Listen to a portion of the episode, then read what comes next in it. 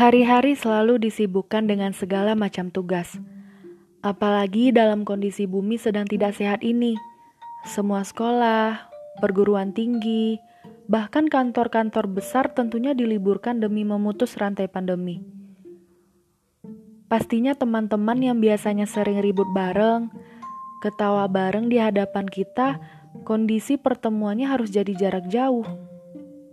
Satu-satunya yang bisa diandalkan cuma teleponan, chatting, dan video call. Terpenting yang harus dilakukan adalah berdoa sebanyak-banyaknya supaya wabah ini hilang dan pergi. Semoga bumi kembali membaik dan negara ini semakin kuat dan sabar. Bicara soal jarak jauh, saya tahu kok rasanya kalian semua sedang LDR dengan seseorang. Pasti berharap banget bisa ketemu kan? Melakukan aktivitas bareng-bareng lagi. Ke tempat kerja bareng, ke kampus bareng, atau mengisi waktu kosong di Sabtu Minggu juga barengan. Semuanya ingin dilakuin bersama. Apalagi bagi dua manusia yang punya hobi sejalan alias satu frekuensi yang dulunya bisa dikerjain sambil ada orangnya di depan, sekarang cuma dibatasi sama layar handphone atau laptop doang. Mungkin saat ini pertemuan kalian harus dalam bentuk LDR dulu. Kalian sedang ditarik ke dalam ruang sendiri, menikmati rasa rindu kepada orang-orang yang kalian sayangi.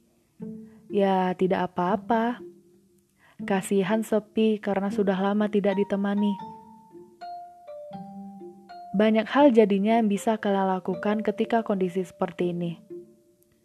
Menyibukkan diri misalnya. Tapi tapi jangan salah. Menyibukkan diri ini untuk apa dulu? Kalau cuma rebahan di atas kasur dan tidak ada produktif sama sekali ya sama aja bohong dong. Maksud saya, membuat karya apa pun itu di rumah masing-masing. Nanti kalau bumi sudah membaik, baru deh itu karya kalian bahas lebih dalam lagi sama orang-orang yang sudah lama dikangenin. Ya, hitung-hitung ketika lagi ngurung diri ada hal baik yang dikerjakan. Kan pastinya seru. Wabahnya udah pergi, proyek baru menanti. LDR itu tidak menghalangi aktivitas kalian di rumah dan di kos bagi anak rantau yang belum pulang ke kampung halamannya. Kalian bisa mengisi waktu dengan membaca buku, yang dulunya ketika sibuk nggak sempet baca buku atau susah banget baca buku karena nyelesain halaman per halaman buku nggak selesai-selesai jadinya terus-terusan ada jeda membaca. Atau kalian kepengen keluar untuk makan malam bareng keluarga. Coba deh berkreativitas dan berinovasi dengan membuat suasana makan malam di rumah ya seperti makan malam di luar. Atau bikin piknik kecil-kecilan di dalam rumah berdirikan tenda lucu, menghias pernak-pernik pikniknya, kemudian menyiapkan makanan dan cemilan yang enak. Apalagi kalau ada anak kecil di rumah, pasti mereka akan suka sekali dengan piknik. Ya, bisa meminimalisir rasa bosan sih sebenarnya. Atau bikin games bareng boleh juga. Kan jarang kan main game sama keluarga. Mainnya pasti virtual terus bareng teman-teman di luar. Itu bisa juga sih atasin kebosanan, tapi bikin yang ada kesan tak terlupakannya gitu loh. Mungkin kalian semua bisa coba hal lainnya seperti memasak.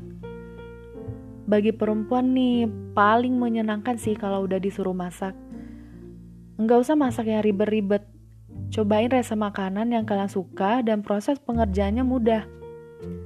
Kalau udah jadi, makanannya kan bisa dinikmati bersama. Sekalian ngobrol-ngobrol santai juga seru. Sekalian aja dibikin konten untuk akun sosmed kalian. Obrolan ringan yang orang-orang di sekitar tertarik mendengarkannya. Kan mana tahu nanti ke depannya akan berlanjut terus. Mungkin bagi kalian anak kuliahan pasti lagi gencer-gencernya nyelesain deadline tugas yang numpuk bingung mana yang harus dikerjakan terlebih dahulu. Apalagi semua tugas kadang datangnya bersamaan. Deadline-nya pun ada juga yang bersamaan. Belajar barengnya terasa cuma lewat video call. Ya, mau gimana lagi, semua demi kebaikan bersama. Setidaknya kalian masih bisa tatap muka walaupun jarak jauh. Ada banyak hal positif yang bisa kalian ambil ketika hashtag di rumah aja itu dipatuhi oleh banyak orang.